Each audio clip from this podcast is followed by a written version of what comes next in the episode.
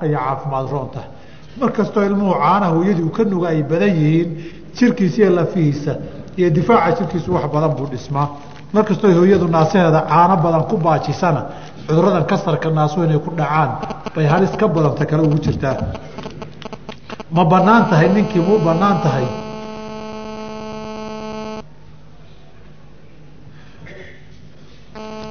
Ninka isagoo islaamtu inay uureysata ka baqaya markay biyuhu ka imanayaan banaanka ma ku daadin karaa buu yihi nacam haa way bannaan tahay idanka haweenta ma loo baahan yahay? Fiihi qowlaani laba qowl bay culimmadu leeyihiin. Xilligii nabiga dhacday calayhi salaatu wasalaam in markii xilligii biyuhu ninka ka imanayeen iyagoo haweenka inay uuraystaan ka baqaya ay banaanka geeyeen xadiidkii jaabir. Jaabirna waa kii lahaa kunaa naczilu wاlqur'aanu yanzilu. Walow kaana mima yunhaa canhu lanahaana canhu qur'aan saasaan samayn jiray waxyigoo degaya haddaynan dii ku banaanayn daayana la dhihi lahaa. Marka taasina culamada qaar ba waxay yidhaahdeen war xaqani waa xaq mushtara oo laba qof ka dhaxeeye waa in idankeedii ogolaanshaheeda lagu xiraa wuxuu yidhi sheekhow meytida qul huwallaha ma loo akrinayaa maya? Meeshan qul huwallaha la akrin meyti loo akrinto wadaaddo biil doona meelay ka bunaysan jireen wey meyti baa timid iyo arbacaday soo xaadirtaa iyo wardi baa loo bixin iyo burdiya mawliid baa la akriya iyo waxaa sheeke ay alifeen weeye. Wadaaddo xeroo biilka ciriiri ku ahaa iyo kuwo xer meel ku haysto caamada inay ka bunaystaan rabay sheeke ay alifeen ay abaabuleen weeye. Waxaa iska dhaafa diinta waxba ka mid maahane. Maxaad leedahay u ducee? Qofka u ducee ilaahay u bari. Maxaad ka leedahay buu ihi nin haweeney buu guursaday maraykanka joogta. Koow isaguna nairobi wuu joogaa. Kadib maraykankuu aaday. Maraykanka joogtayadaa timid. Kadib maraykankeedii bay ku noqotay isna halkan uu soo jeedaa. Isaguna xaggaa inuu aada ma doonayo. Iyadaa mar kastaba imanaysa. Arrintaa maxaad leedahay? Arrintaa sharcan inta aan ogahay sida soomaalidu u dhaqanta hadday tahay gabadha safarkeedu bilaa maxram hadduu yahay ma banaana gabadhan bilaa maxramka sii ordeysa ee soo ordeysa ma banaana arrintaa ha laga daayo. Guurkaasina badanaa wax manfacaa ma yeesho. Aan baahidii la wada gudanaynin. Wuxuu yihi hooyaday qaad ayay iibisaa. Lacagta ay ka soo shaqayso ayaan ku noolnahay haddii diintu tiri lacagtaas waa xaaraan. Ma garanayo meel aan aado. Marka ma dembi ayaan ku leeyahay. Waxaa waajib kugu ah meel kale inaad raadsato. Qadru daruura inta aadan meel kale helinna aadan meel kale helinna de xoolahaasi masaakiinta waxay liqaan haynin siday ugu banaanayd bay kugu bannaan tahay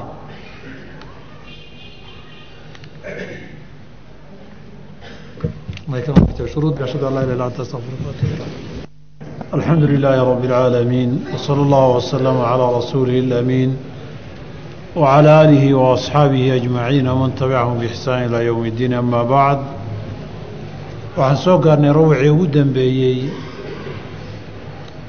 kitaabkii lilqalqaadi abushujaac oo uu yihi kitaabu اljinaayaati kitaabkana wuxuu ku saabsan yahay aljinaayaati waxyeelada dadka dhex maraysa ama dadku dhibka ay shaksi ahaan iyo jirkooda isu geysanayaan. Urow jinaayaad uu ku magacaabay mararka qaarkood kitaabuljiraax bay yidhaahdaan oo qofka nabarada ku dhaca ah. Jinaayaadka waxaa looga jeedaa waxyaabaha shariicadu cuquubada ay ka ratibtay ee shariicadu xukuntay falkaa la sameeyey inuu cuquubo yeesho adduunkaa oon keliya ahayn cuquuba aakhira. Cuquubada adduunkee uu yeelanayaay ama ciqaab jirkiisa lagu fulinayo ha noqoto oo sida ugu badan ah ama cuquubo intaa ka badani ha la socoto maalkiisa gaaraysa oo maalkiisa laga doonayo. Haddaba qofku bacda alkufri dunuubta la galo waxyaabaha ugu waaweyn waxaa ka mid ah in naf macsuumo oo muslimad ah xaqdarro lagu dilo. Saa darteed buu wuxuu yidhi alqatlu dilka qofku uu wax dilaayey calaa halaaثati adrubin saddex qaybood weeye. Camdun maxdun kas baraxla oo ninaba mugdi ku jirin inula kas qofkanuu wax u geystay ama qofka loo dilay. Wa khata'un maxdun iyo qalad iyo gaf aan ku talagal ahayn oo qofku kama uu u dilay mugdi iyo madmadowna aan ku jirin. Wa camdun khata'un mid gaf iyo kama isku jira ah oo dhinac haddii laga eegana waa ulakas iyo ulakac buu qofkani wax u dilay dhinac kale haddaad ka eegtana waxay u eg tahay kama iyo ku talagal la'aan buu qofkani waxa la yeelay ugu dhintay. Halkan mualifku dilka qasaantiisii buu ka bilaabay inuu saddex qaybood oo axkaam kala duwan leh inay yihiin. Mid walibana waxa looga jeedo uu macno iyo qeexid gaara u baahan yahay marka saddexdii buu bilaabay oo wuxuu yidhi falcamdu dilka kaska ah almaxdu ee khaaliska ee baraxla huwa an yacmida waa inuu u qasto ula kas u sameeyo ilaa darbihi qofka inuu ku dhufto bimaa yaqtulu wax dilaya haaliban badanaaba loo dhinto inuu kas ugu dhufto inuu ku dhufto ula qasdo weeye oo wayaqsida uuna ula jeedo qatlahu inuu ku dilo bidaalika dhufashada iyo waxa uu ku dhuftay uu dilo. Fayajibu cala alqawadu qisaas baa waajibaysa calayhi ay cala alqaatili qofkii wax dilay. Fain cafaa haddii uu dilkii ka cafiyey canhu isaga qofkii qisaasta mutay baa cafiyey. Wajabat waxaa waajibaysa diyatun mag muqalladatun la adkeeyey xaallatun oo hal markaaba joogto looga qaadayo fii maali alqaatili qofka wax dilay maalkiisana markaaba laga doonayo. Halkan mualifku wuxuu ku sheegay dhowr arrimood oo ah waxaa ka dhalanaya ee ka waajibaya qofku qof inuu kas xaqdarra ugu dilo dilkana ula kacaya uu kas yahay. Laakiin waxaanu sheegin in dilka sidaasihi uu dunuubta kabaa'irta waaweyn ka mid yahay. Nabiguna calayhi salaatu wasalaam qatlu nafsi uu kabaa'irta ku daray. Acmaashiiyo dunuubta la galana. Dembi aayaadka daahirkoodu ciqaab intaa la eg ay u sheegeen oo lamida dil qof muslima ula kacaya kas aada u disho oo xaqdarro ah dembi aayaadku intaa in la eg ay u sheegeenoo duuna shirki ah ma jiro. Saa darteed aayaddeed wada taqaanaane suuratu nisa ahayd waman yaqtul mu'mina mutacamidan ilaan horeba waxaa lagu yidhi qof muslima qof muslima. Waxa uu gacantiisa ugu dhiman karaa si xaqdarro ah hadday ka ma' tahay iyo ku talagal la'aan. Wamaa kaana limu'minin an yaqtula mu'minan ilaa khaطa'an inay ka ma' iyo ulakas la'aan kaga dhacdaba maahane marnaba looma ogolo uma bannaana qof muslimiin oo qof muslima dhiiggiisa daadiyo. Haddayse dhacdo xaqdarro inuu kas ugu dilo fajazaauhu jahannam abaalgudkiisu jahannamo wey khaalidan fiihaa wuxuu xukunka labaad wuu ku waarayaa jahannamo gudaheeda. Waqadiba allaahu calayhi ilaahay baa u carooday. Walacanah naxariistuu ka fogeeyey waacadda lahu cadaaban cadiima. Cadaab weynna waa loo diyaariyey. Saa darteed buu nabigeena calayh salaatu wasalaam axaadiid badan kaga digay oo ay ka mid ahaayeen xadiidkii imaamu lbukhaari iyo keyrkii ay warinayeen. Nabiguna lahaa calayhi salaatu wasalaam laa yazaalu lmaru fii fusxati min diinihi maa lam yusib daman xaraaman qofku diintiisu inay waasac tahay abwaabu raxmati waalkhayrna u furan tahay towfiiqda khayrka la waafajiyana suul iyo turuq badan ay ku soo gaarayso ka zuuli maayo sidaasu ahaan waase intaanu dhiig xaaraana daadinin. Maalinkii dhiig xaraama daadiyo abwaabu tawfiiqiyo waraxmati waa laga soo xirxiriyo way ku yaraan taasay culimmada qaarkood ku sii fasireen xadiidkii sunanka abi darda radia allahu canhu wa ardaa. Nabiguu ku laha calayhi salaatu wasalaam kullu denbin casa allaahu an yakfirah ila arajula yamuutu mushrikan aw yaqtulu mu'mina mutacamidan dembi kastood gasho ilaahay inuu kaa dhaaf unbaa laga yaabaa. Laba maahane nin gaalnimo ku dhintay iyo qof muslim oo qof kaleoo muslima kas xaq darre ugu dilay kuwa kuwa la dhaafo maha iyaga oo dawaawiinta laa yakfiruha allaahu bay ka mid tahay. Haddaba arrinta sidaa u adag way mudatay ciqaab adagna in loo sameeyo oo ilaan adduunyadan dhan oo baaba'da baa ilaahay agtiisa kaga fudud.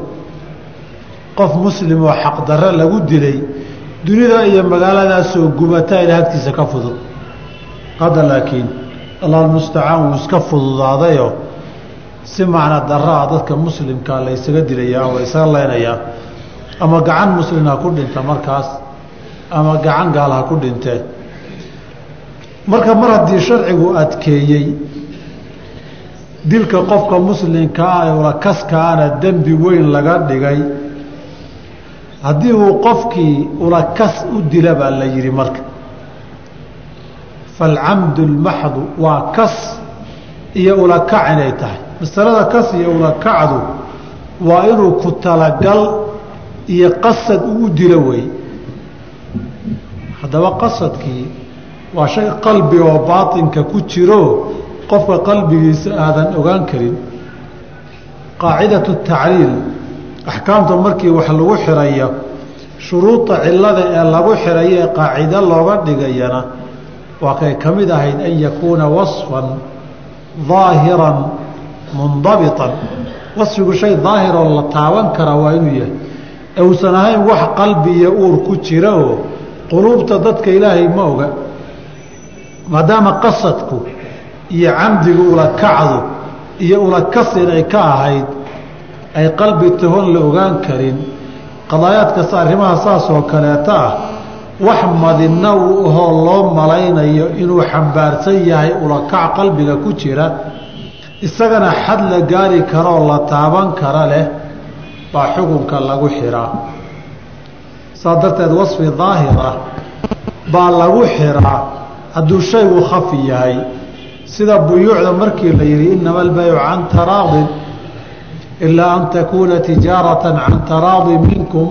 Ridihiina uu qalbi yahay siiqada wax kale iibsigaa lagu xiray oo la yidhi iyadaa ku tusaysa inuu ridaa qalbiga jiro haddaan qaraa-in daahiro ikraah iyo qasab iyo olin tanna waa sidoo kaleeto waxaa xad baa loo sameeyey.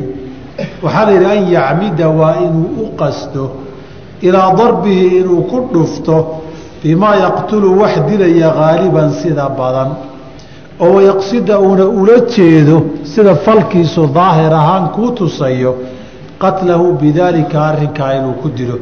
Marka bimaa yaqtulu haaliban waxaan qofka aad ku dhufatay wax badanaa loo dhinta hadduu yahay isagana ulajeeddo aada ugu dhufatee wax intaad iska tuurtay meel kale kaga dhacay aanu ahayn.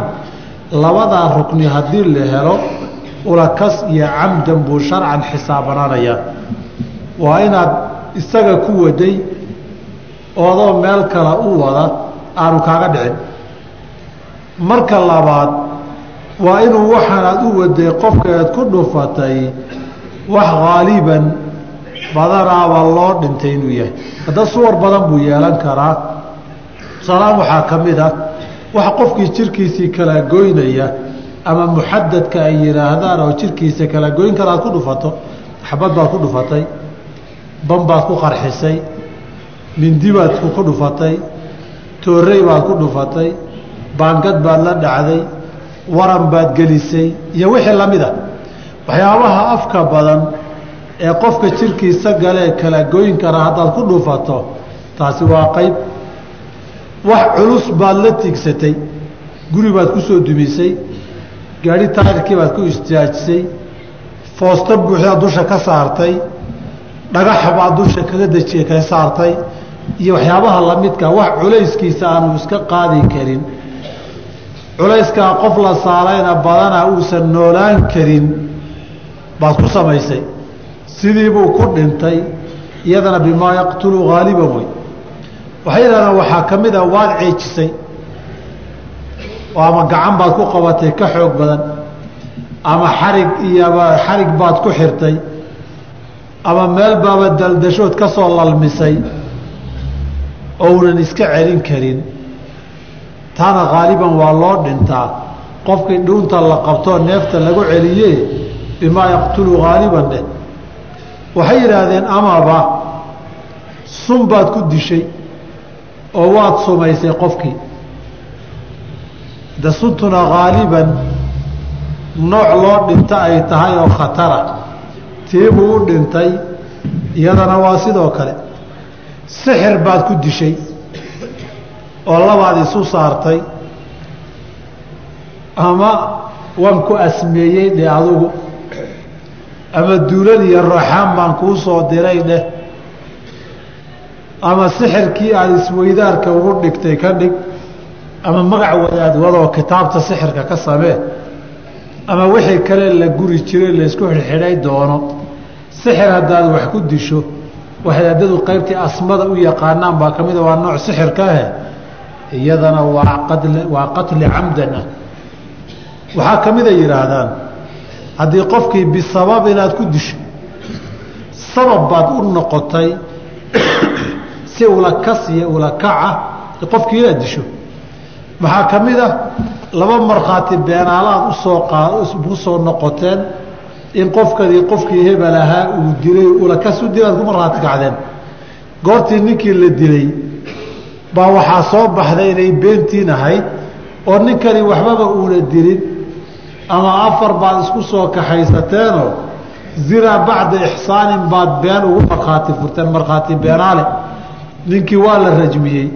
Kadib bay caddaatay inay wixii been ahaa idinna waa camdan waa laydin layn madaxaa laydinka guri qof buu qori ku qabtoo ku qasbay ikraahulmulji la yidhaahdo ama waan ku dilay ama dil buu yidhi. Labadiinniba waa la iskiin raacin. Kii fargada qabtay iyo kii daba taagnaa labadaba waa camdan oo dil weeye. Ama mahlakaad ku ridayba oo meel xun baad ka tuurtay. Sida aada buuri iyo guri dheer baad ka soo tuurtay qofkii oo badanaa qof meeshaa laga soo tuuray uuna noolaan karin. Bimaa yaqtulu haaliban wey ama waxaad samaysay dabbaad ku riday ama meel biyo oon laga dabaalan karin baad ku tuurtay. Oo qof meeshaa laga tuuray iyo dabkaa lagu riday aanu ka bixi karin. Haaliban bimaa yaqtulu haaliban wey waxay yidhahdaan waxaa ka mid ah. Meel baa waxaad kula xaraysay. Masas iyo abeesooyin. Ama shabeel iyo libaax iyo waraabo iyo dallaysaad kula xaraysay. Meel uga cararana ma laho markaasay dileen waa bimaa yaqtulu haaliban baad geli ama qofkiiba intaad xirtay baad cunnana u diiday inuu doonto adiguna adan waxba siinin meeshiibuu gaajo ugu dhintay si ugu xirnaa. Bimaa yaqtulu haaliban wey waxay isku qabteen bitasabubi haddaad qofkii adu maadan xirin oon buu u dhimanayaa biyaha ceelkaaga iyo tuubadaadii baad u diiday naf buu ku nafbaxay adiga ma lagugu leeyahay. Haddaynu qaadana qowlka wa tarku ficlu fii saxiixi اmadhabi oo shaaficiyadii iyo maalikiyadii ay qabaan qatlun bitasabubi wey. Isagana ma mag baa lagu yeelanoo ma shibhulcamdiba mise waa camdi cinda almaalikiya waa gaar shaaficiyadana waa gaar. Walidaalika bay maalikiyadu furuucda ay qaacidadaa ku dhisan lehin lahu furuucu dukirat fi lmanhaji wasarduhaa min bacdi da lbeyti yaji ilaa aakhirihi baa ka mid a. Qofkaad cuntadii iyo cabitaankaagii u diiday gaajana agtaada ugu dhintay dankiisi iyo qisaasiisii ma lagu leeyahay masaa'ilka soo gala wey. Haddaad budhcad noqoto oo qofkii dariiqa safarta bahgooyada socday intaad jidka u istaagto wuxuu watay oo dhan cunto iyo cabitaan ka qaadato oo cirya dhulkaa dheer noqdo oo meeshaas sidii ugu dhintana bimaa yaqtulu haaliban wey marka suwar badan iyo qaabo badan bay ku iman kartaa camdigan la leeyahay bimaa yaqtulu haaliban wayaqsida qatlahu bidalik kadib maxaa ka waajibaya qofkii dembigii aakhiro? Waa gaar. Waxaa ka waajiba fayajibu waxaa waajibaya alqawadu qisaas baa calayhi cala alqaatili qofkii wax la dilay wax dilay. Marka koobaadi qisaas baa lagu leeyahay. Oo aayaddii suuratu lbaqara baa caddaynaysa kutiba calaykum alqisaasu fi lqatla dadkii la dilay qisaas baad xaqu leedihiin. Nabiguna yidhi qofkii qof laga dilo fa huwa bikhayri nadarayni in shaaa qatala wa in shaaa cafaa akhada diyata ama mag buu ka qaadan hadduu rabo hadduu rabana wuu dili xaqa koobaadee lagu leeyahay qofkii horta isagu waa inuu iskeeno oo isa soo xaadiriyo markuu isa soo dhiibo dadkii awliyaau lmaqtuulka ee dhaxalkiisa lahaa baa go'aanka qaadashada leh laakiin waxaa go'aan qaadanaya dad wada qaangaara hadday yihiin oo wada mukallafiin oon majaaniin ku jirin. Haddii qaar sibyaan carruur yar yar ay yihiin waa la dibdhigi. Haddii qof ka mida cafiyana diyaa lagu yeelan. Marka waxaa koobaadee waajibaya kutiba calaykum alqisaasu fi lqatla qisaas baa waajibaysa qofkii qofka in loo dilo. Haddii qofkii qofka loo dilo kafaara gud bay u noqonaysaa faman tasadaqa bihi fa huwa kafaaratun lah. Waa suuratu lmaa-ida wa katabnaa calayhim aayaddii ahayd. Qaybaheeda dambe lagu sheegay. Haddaba magtaa lagu ku waajibtay waa laba qaybood. Imaa in mag un laga doono qofka magna lagu cafiyo. Markaa magtu way inoo iman doontaaye waa boqol neef oo geela weeye wa imaa in heshiis dhaco oy labada qola wax ku heshiiyaan lagu cafinaya qisaastii arrinkaana fa huwa calaa maa tasaalaxa calayhi.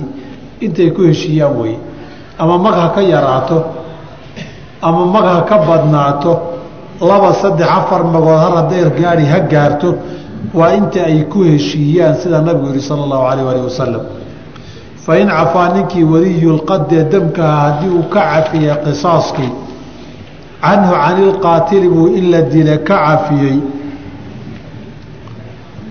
Wajabat waxaa waajibaysa diyatun mag muqalladatun la adkeeyey xaallatun oo markaaba ahoon la dibdhigaynin fii maali alqaatili qofka wax dilay maalkiisa bayna ku waajibi halkan mualifku wuxuu ku sheegay saddex xukum oo diyada iyo magta la xiriira mas'alada koobaadi waa diyadu inay muqallada ay adag tahay adkayntuna laba jiha ay ka timaadaa nooca diyada la bixinayo ee geela ah iyo muddada lagu bixinayo labadaaba way ka timaadaa waxaa saddexaadoo la dhihi karaa way ka timaadaa cidda bixinaysa.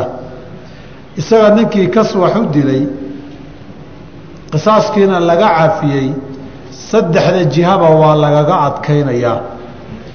Mardiyatun muqalladatun waa da-da geelay u dhacaysaa iyo suu u qaybsan yahay waa saddex qaybood. Fasalka dambaana faahfaahinta loogu tegi doonaaye. Afartan geeloo rimay ah oo caloosha ilmo ku sida. Iska siddeetan bay aakhirka bata iska noqon kartaa. Afartankuba markay dhalaan. Laakiin afartan riman oo calooshooda ilmo ku jiraan arbacuuna khalifatan fii butuunihaa awlaaduhaa dheh. Afartan waa afartankaas. Soddonna afar jiro waaye. Soddonna saddex jiro waaye laba jirkii laga carari jiray kuma jira meeshan. Saa darteed da-da geela la bixinayo soddon saddex jir iyo soddon afar jir iyo afartan riman wey oo weliba ilmo caloosha ku sida. Boqolkaa waa lagu adkeeyey. Dhinac labaadna waa laga adkeeyey oo xaalatun halkaa meel baa lagaga qaadayaa. Masalada diyada noocana inay muqallado tahay culimo badan waxay soo guuriyeen masaladaasi itifaaq iyo ijmaac inay tahay. Nooca diyadan. Sidaa in loo qaybiyana aaaar badan baa lagu soo guuriyey. Aaaar badan oo cumar iyo xilligiisii ah baa lagu soo guuriyey. Qaybintaana axaadiid dhowrana waa ku timid. Oo nabiga ka sugan calayhi salaatu wasalaam. Xaalatun isla markaasaa laga rabaa sanad ii dibdhigiyo aan wax soo urursadaya ma ahee ninkan wixiisu waa mooraduug iyo xaraash wey. Halkaa ilaa uu keenana wuu xirnaan karaa isagoo laga cafiyey qisaastii iyo dilkii taa waxaa loo dariishadaa bay leeyihiin imaamu shaafici oo kaleeto raximahu llah fii kitaabihi lum masalada marka uu ka hadlayo waxa uu u daliishaday in cumar radi allahu canhu ardaahu loo keenay nin qataadata almudlaji la dhihi jiray oo wiilkiisa dilay. Wiiluu dhalay. Baa intuu seef ka daba tuuray oy lugta dhudhunka kaga dhacday buu dhiig baxay oo dhintay. Marka uu dhintaybu wuxuu yidhi haddii aanan maqal nabigoole calayhi salaatu wasalaam waalidku ilmihiisa oo isdilay loo dili maayo qoortaan ku jari lahaa buu ihi maanta laakiin diya muqalladaa lagaa rabaa hadda halkaa inaad ku bixisa weeye buu yidhi halkiibuu kaga qaaday buuhi imaamu shaafici raximah allahu tacaala. Wax saxaabadoo inkiray oo khilaafayna ma hayno.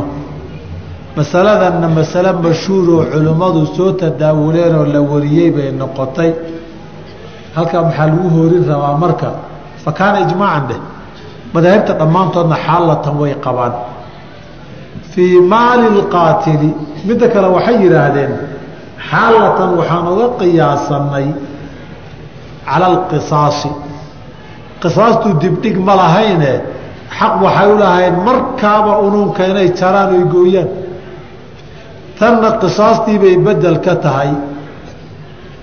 Waxay dhah haddaba bedelka waxaanu uga qiyaasanaynaa fii kownihi xaalan asalkiisii mubdalu minhuga ee qisaaska ahaan oga qiyaasanaynaa bay yihahdeen saas darteed fakamaa kaana asluhu xaalan fakadalika albadalu xaalun. Halkaana way qabatiyeen fuqaha shaafici raxmat ullaahi calayhim. Dhinaca saddexaad ee laga adkeeyey tol iyo qaraabo lama saara magtaas. Fii maali lqaatili ninka wax dilay baa xoolihiisa lagu leeyahay. Tolna laguma leh qaraabana laguma leh.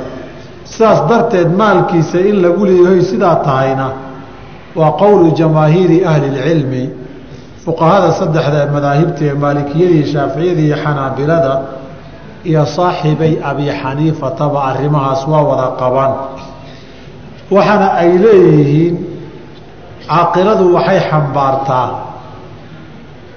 wax halaalay wixii aan kas ahayn bay xambaartaa daahirka qur'aankuna wuxuu tilmaamay in isaga lagu leeyahay magti. Faman cufiya lahu min akhiihi shayun faatibaacun bilmacruufi isagii si wanaagsan in loo dabagalo wey. Wa adaaun ilayhi biixsaanin isagana si wanaagsan inuu bixiyaa laga rabaaye. Caqilaale lama dhihin. Midda labaad waxay yidhahdeen asalku laa yajnii waalidun calaa waladihi walaa mawluudun calaa waalidihi. Laba isdhashay qofna qof kale dembigii ma qaado. Sharciguna qof walba dembigiisa isagaa loo qabsadaa. Danka uu galay iyo falka dembigee ulakaca uu galay. Wixii ka dhashay sharcigu qaacidada asalka ah isagu inuu qaado wey. Sa darteed cid kale laguma laha. Tolla looma qabsan karo. Warkii soomaalidu halkaa ha ku hara marka aana ina adeer baa u dhinto ahaa magtana loo qabsanaya dadaan dembi gelin iyagu iyagu haddii ay marka horeba tol ma ka rabaan intaynan cafiyinaynan dhihin mag baan kaa doonaynaa tolku inay magta siinayaan ha kala xaajoodaan. Haddii tolku siin waaye isna aanay ka helaynin ha iska dishaan oo ha qisaastaan. Haddii kale ha iska cafiyaan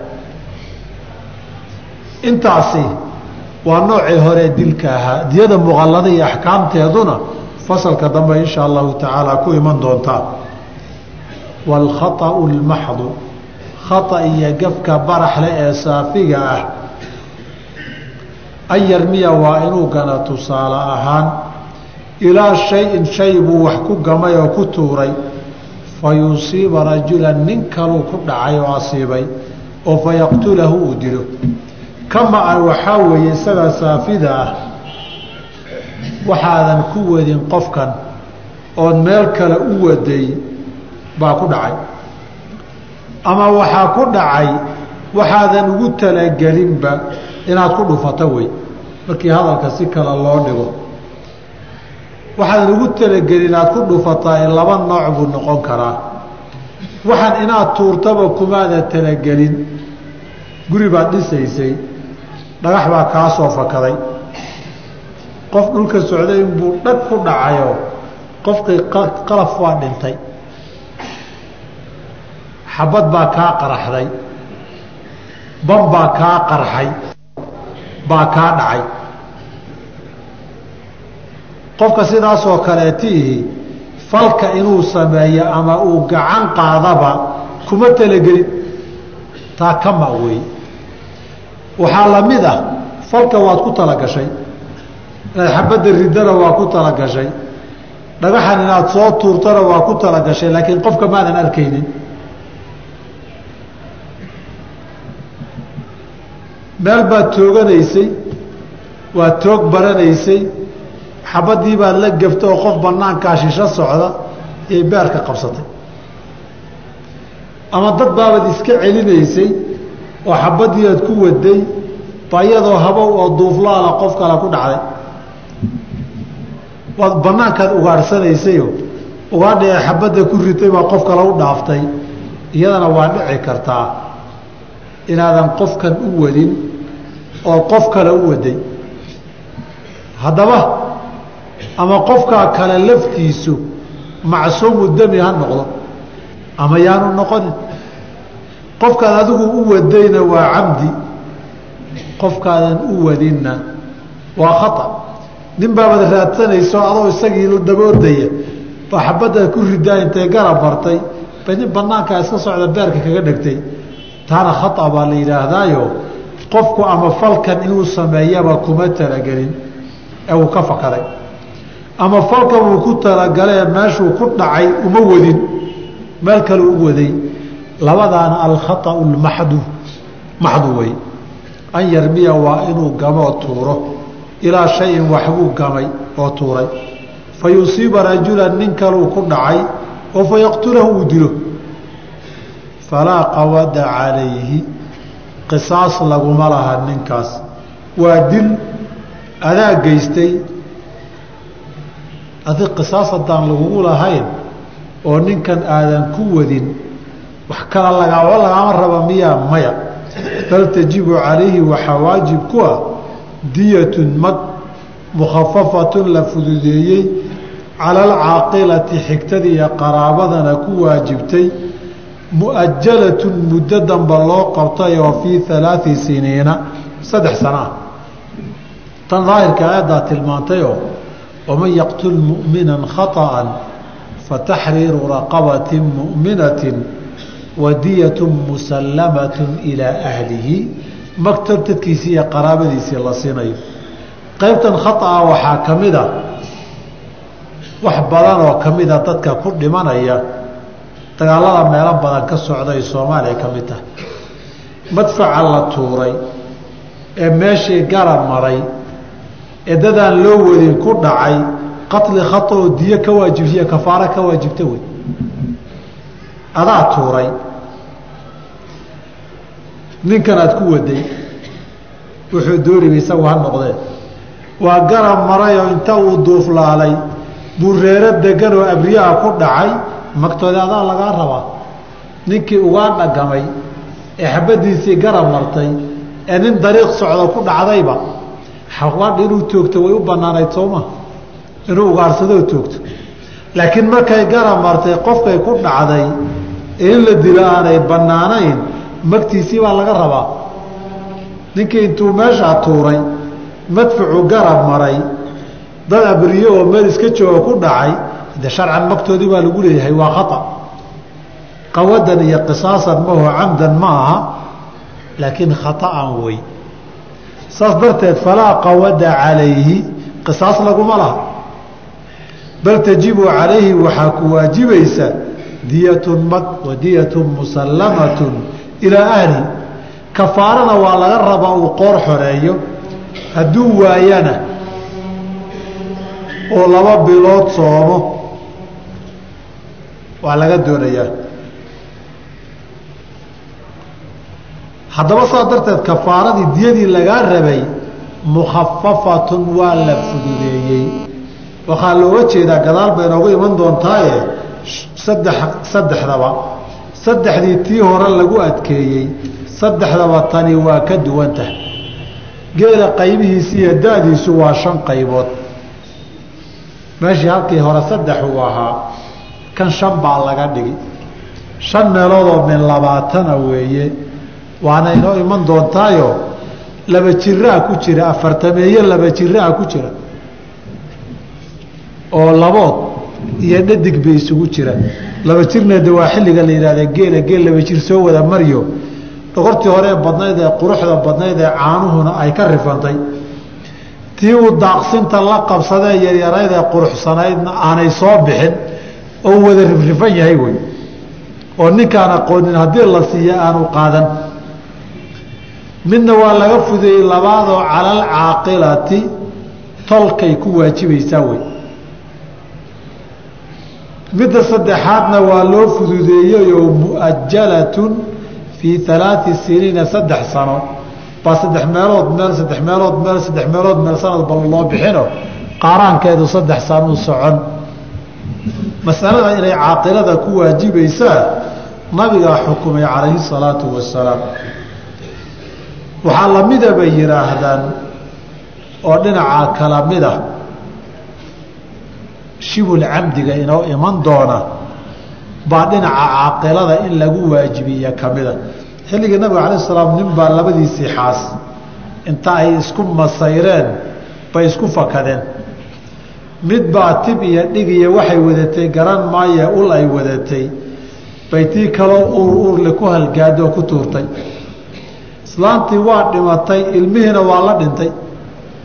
Ilmihii magtiisiina waa la rabaa baa la yidhi islaantii magteediina waa la rabaa laakiin gabadhii wax dishay tolkeed maadaama waxan badana aan loo dhimanin baa tolkeed caaqilada nabigu ku xukumay calayhi salaatu wasalaam. Ilmihii yaraana mag baa laga bixin markii la yidhi baa ninkii soo istaago wuxuu rasuulka ilaahayow sidee baan uga magbixiyaa ilmo aan hadal iyo qaylo midna samaynin kaasoo kale weligeeyaba dhaqanka iyaga hadur buu ahaan jiray.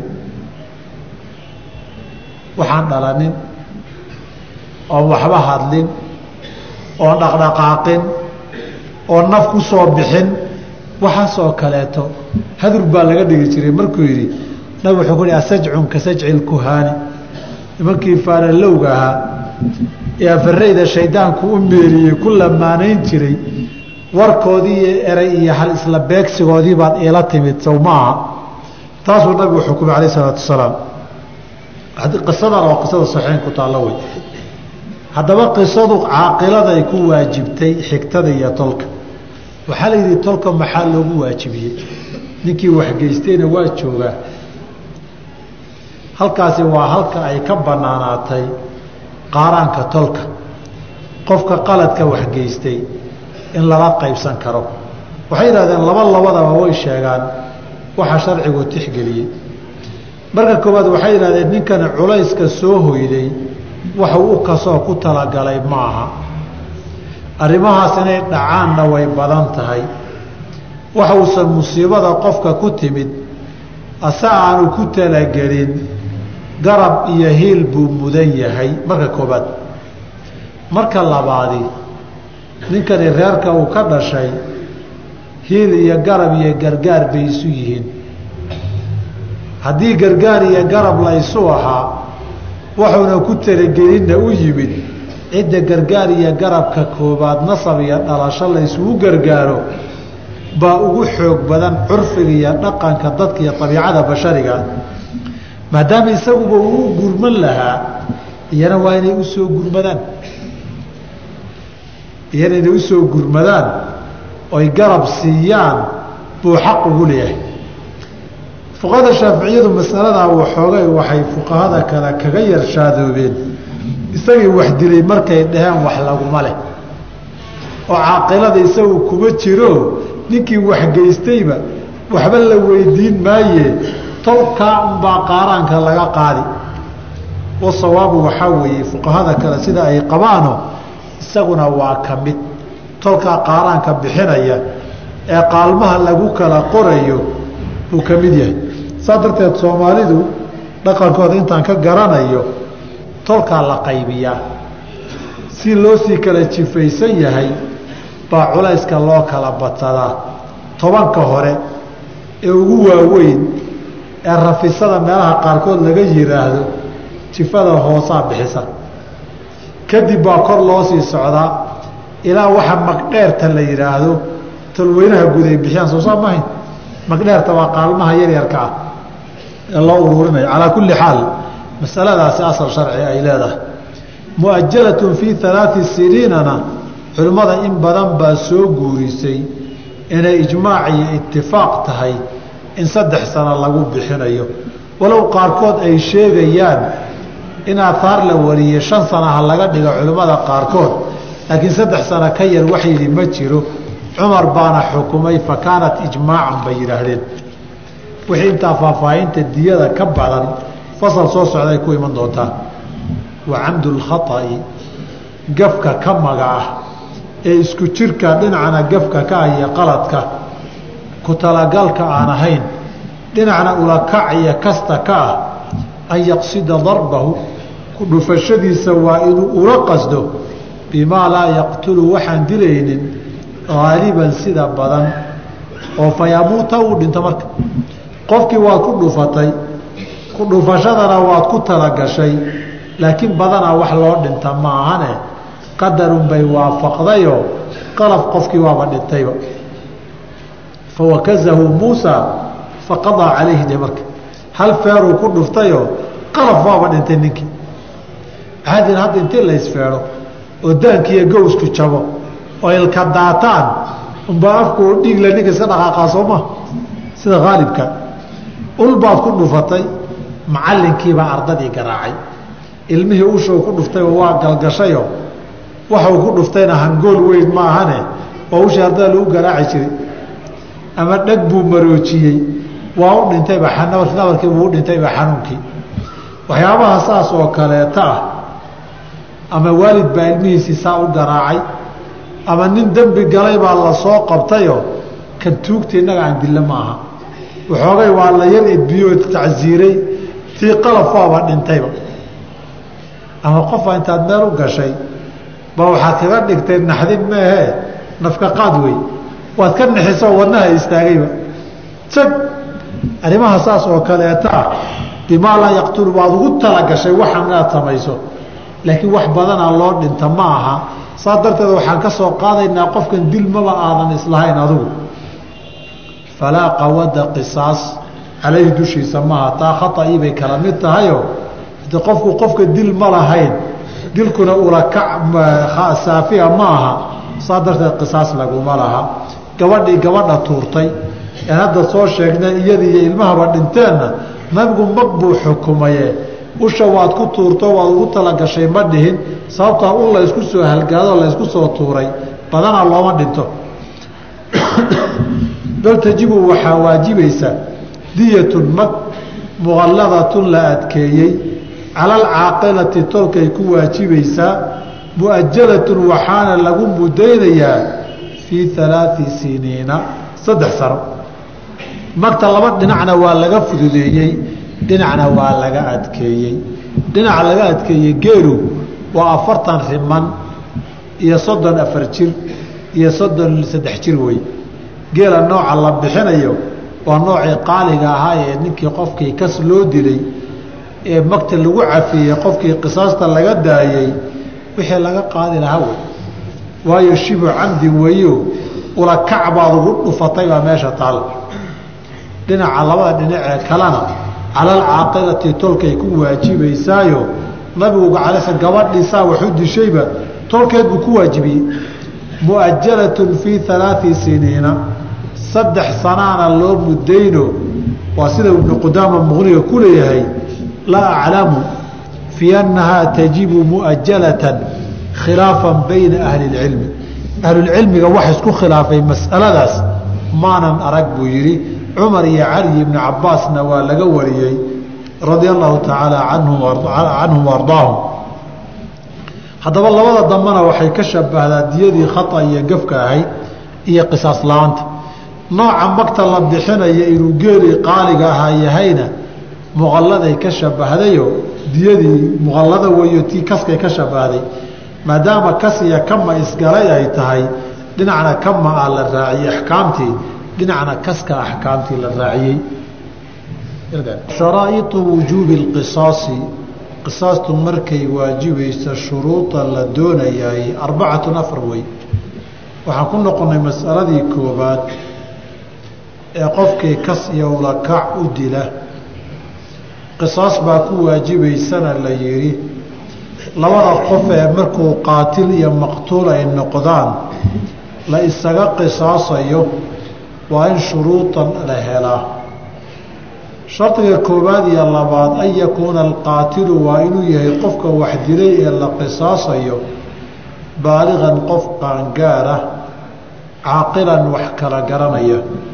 Hadduu ilmo sabi oon qaangaarin yahay ama qof majnuunahoo waalan uu yahay mukalafba ma ahan oo wax qisaasihii kuma waajibto waana xadiidkii caaisha iyo cali iyo abi qataada alansaari iyo keyrkoodan marar badan soo marnay. Rufica alqalamu can alaaatin can asabiyi xataa yaxtalim wاlmajnuuni xataa yacqil. Ay ka mid ahayd weeye saddex ilaahay waxba uma qoro. Wax dembi ana looma qabto. Ilmaha sabigaa ilaa uu qaan gaaro iyo qofka waalan ilaa uu wax kala garto oo miyirsado masalada shardiga saddexaadna waxaa weeye wa anlaa yakuuna waa in aanu ahayn waalidan mid dhalay lilmaqtuuli kan la dilay. Ilmuhuu dhalay dilay waxaan la dilay. Qofka qaatilkiihi waa inaanu waalidu ahayn ilmaha uu dilay. Oo qof ilmihiisii dilay waa inuusan ahayn ama aabba ha noqdo ama hooye ha noqdo ama awow ha noqdo ama ayeeye ha noqoto. Haddii usuushu ay wax dilaan oy faracoodii dilaan loogama qisaaso. Arrintaana nabigay ka sugan tahay calayhi salaatu wasalaam oo axaadiista jamcu min asaxaabati ah wey mid haddee baan soo tilmaano cumar qataadata almudlaji waa kii uu ku lahaa haddii aanan maqal nabiguu yihi sala allahu calayhi wasalam laa yuqaadu lwaalidu min waladihi madaxaan ku goyn lahaa waalidka ilmihiisa looma dilo. Sidoo kale sunanka waxaa ku sugan min xadiidi camr bn اlcaas oo riwaayadkii camr bn shaciibin can abihi can jaddihi baa wuxuu leeyahay nabigu sidoo kale uu ka warinayaa waxaa kaloo ku sugan tahay min xadiidi bni cabaasin radia allahu tacaala canhuma wa ardaahuma inuu yihi nabigu wuxuu yihi xuduudda masaajidda laguma ogo waalidkuna ilmihiisa looma dilo. Xikmadiyo sababtu qaarkood waxay ku cileeyeen laba arrimood. Arrinta koowaad waxay yidhaahdeen waalidku wuxuu sabab u ahaa joogitaanka iyo jiritaanka ilmaha inuu ifka iyo adduunka yimaado ma habboona. In ilmuhu uu sabab u noqdo in waalidkii isaga sababta u ahaa imaatinka ifka iyo adduunka uu yimid in isagu uu sabab u noqday ifka iyo dunida inuu ka tago oo loo dilo. Marka labaad waxay yidhaahdeen camdiga ulakaska loo dilayey badanaa waalidka ixtimaalka dhinaciisu daciif weeyo. Ilmaha waalidku shafaqada iyo raxmadda iyo naxariista ku jirta oo sida qaalibka ah baa loo tala saartay inuusan kollaba kasu diraynin. Naadirkana laa xukma lahu halkaasay raaciyeen.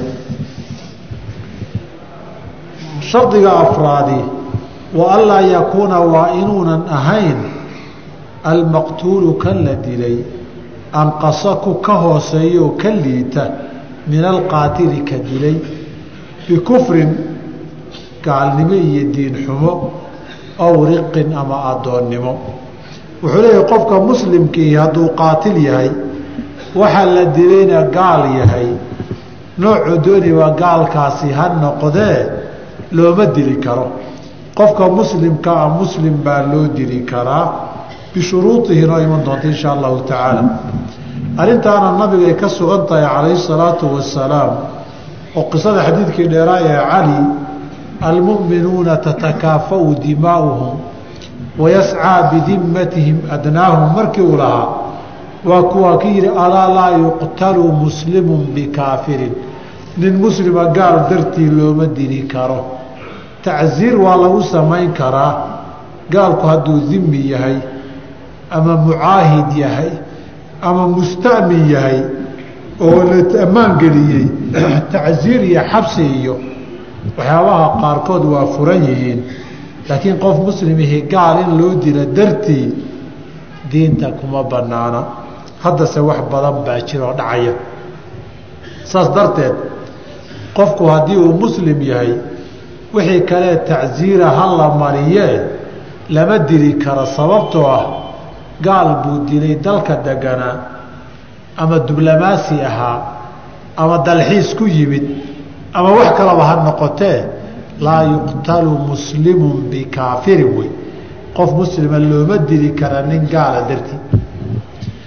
Sababtoo a diin ahaan buu ka hooseeyaayo islaamka iyo iimaanku waa sharaf ka sarreeya kufriga iyo ilaahay kayrkii oo ilaah laga dhigto oo la caabudo.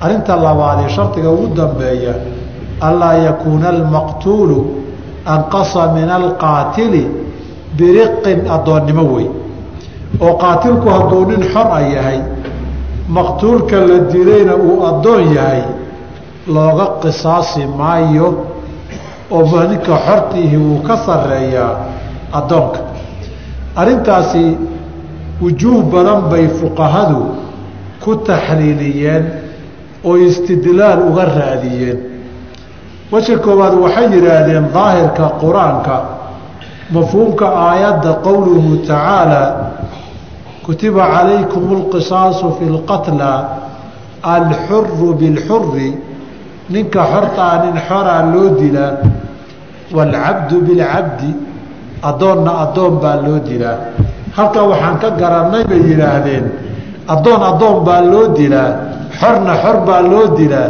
inaan xorka loo dilaynin addoon dartii halka aayaddaa waan ka fahanay bay yidhaahdeen. Haddii la yidhi qowluhu tacaala wakatabnaa calayhim fiihaa ana anafsa binnafsi. Naf naf loo dilay baa la yidhi.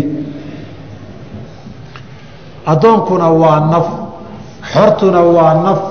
Aayaddaas sooma soo gelayo waxay dhaheen aayaddaasi way itlaaqday tanina qeyd bay raaciso oo nafta nafta loo dilayo oo alxuru bilxuri bay yidhahdeen waxay ku labeeyeen ay ku adkeeyeen.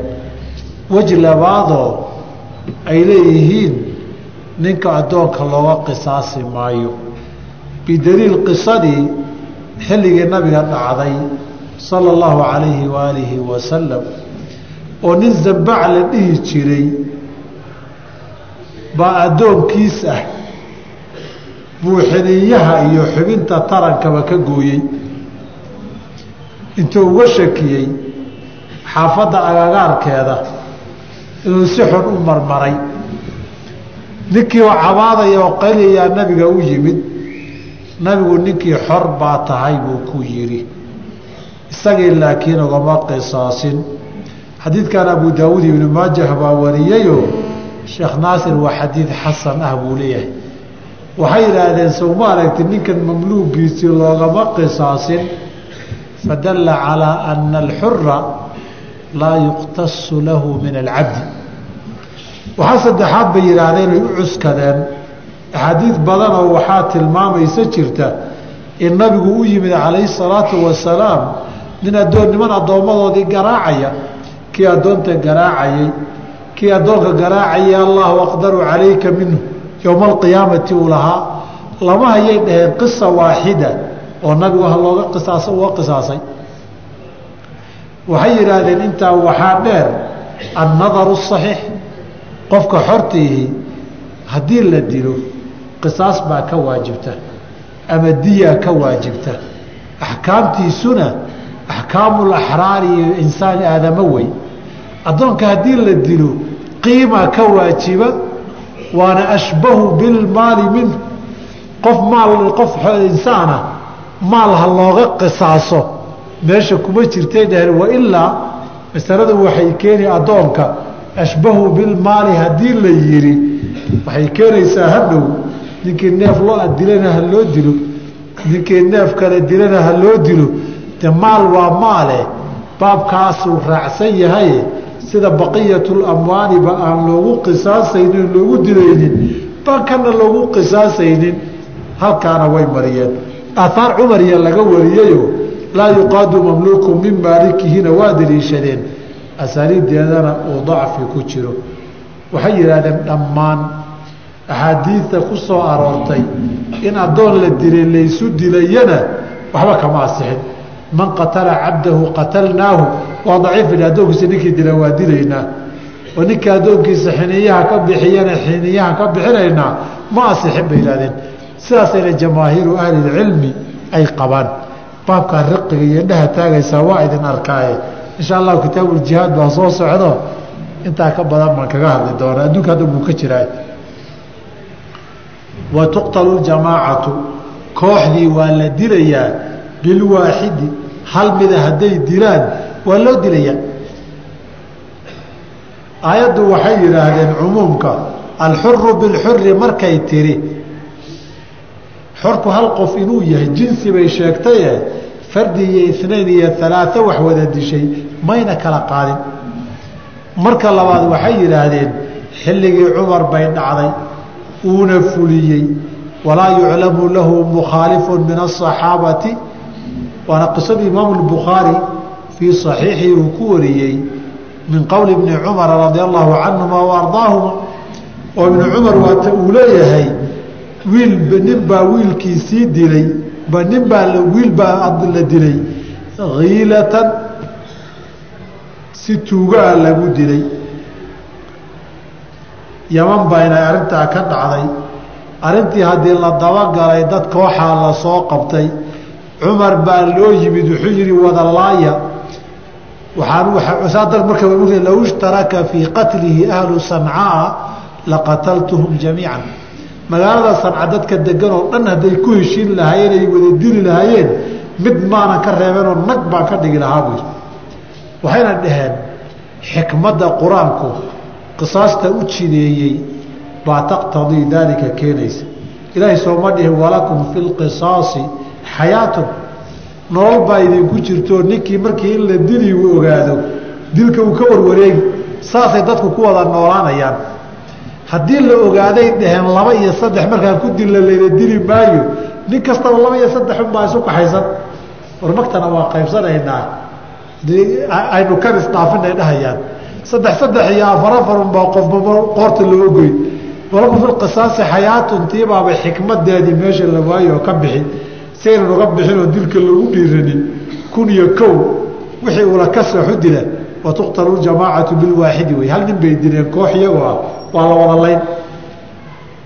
Wa kullu laba qof oo kasta oo jalal qisaasu qisaasuu dhex maray oo shuruuddii laga helay baynahumaa labadooda fi nafsi naf la gooyey yajri baynahumaa dhexdoodana waa laysu qisaasi fi latraafi xubnaha haddii gacan la isgooyi iyo haddii lug la isgooyi iyo haddii dheg la isjara iyo iyadana waa loo qisaasay intuu ka gooyey unbaa isna looga goyn labadii laysu dili lahaa xubnahoodana waa laysu jaridhe wa sharaa'iطu wujuubi اlqisaasi shuruudaha ku xihan inay qisaas waajibto fi laطraafi xubnaha aan nafta ahayn bacda asharaa'id اlmadkuurati shantii afartii shardi ee la soo sheegay kadib inaani laba kaloo dheeraad ay wadataa. Laba kale wey horta afartii hore waa shardi. Oo si guud xukmulqisaas oo guud bay shardi u ahayd. Laakiin xubnaha qaar hadday noqoto laba kala ku darso. Midka koowaad alishtiraaku fi lismi magac labada xubinee laysu jaraya waa inay wadaagaan alkhaasi aw gaarka ah tusaale ahaan alyumnaa midigta bilyumnaa midig baa loo goy walyusraa bidixdana bilyusraa baa loo goy lug hadday tahay lug baa loo goyn dheg hadday tahay dheg baa loo goyn ilaahay sooma dhihin waljuruuxa qisaasun. Nabarada kale waxyeelada nafta ka sokaysana waa laysu qisaasi. Saa darteed haddaad nin soo qabatood gacan ka goysa dembi la'aan maxkamadda sharciga adna gacantii kaa goyn tiisii meeshay martay unbay taaduu mari isagu hadduusan diye uga xilanin